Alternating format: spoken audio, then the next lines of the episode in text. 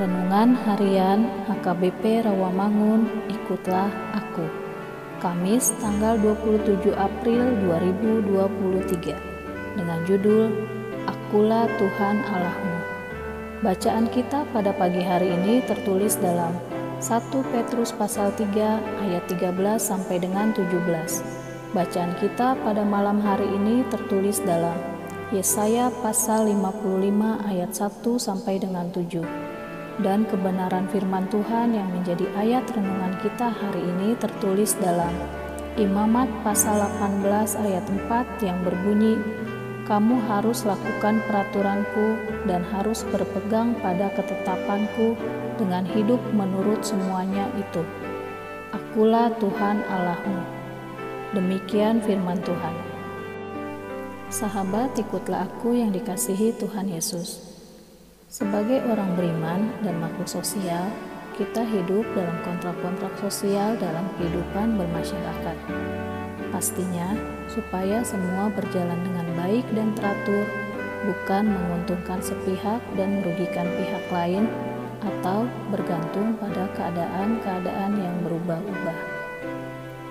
Dalam kehidupan rumah tangga pun, ada prinsip maupun aturan yang tertulis maupun tidak tertulis yang dijalankan masing-masing rumah tangga. Biasanya, orang tua yang lebih dominan untuk membuat rupa aturan rumah tangga itu.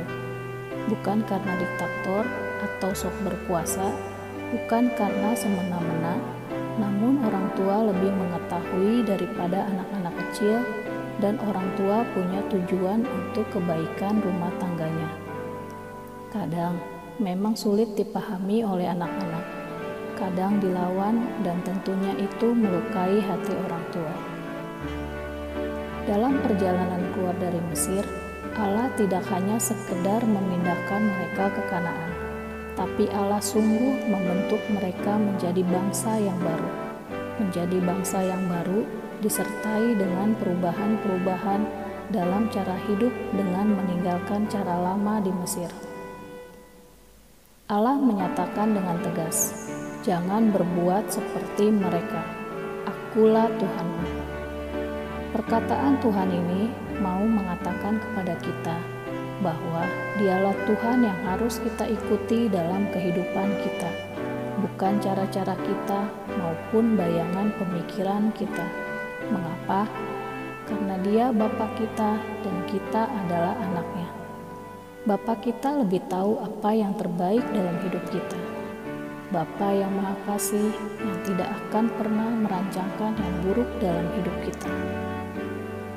Dalam aturan dan perintahnya, Bapa kita itu mau menjamin masa depan yang baik dan bahagia. Amin. Marilah kita berdoa. Tuhan Bapa kami, Engkaulah satu-satunya sumber kehidupan dan tujuan hidup kami. Ajarlah dan tuntunlah kami senantiasa mengikut Engkau, Bapa kami selamanya di dalam Yesus.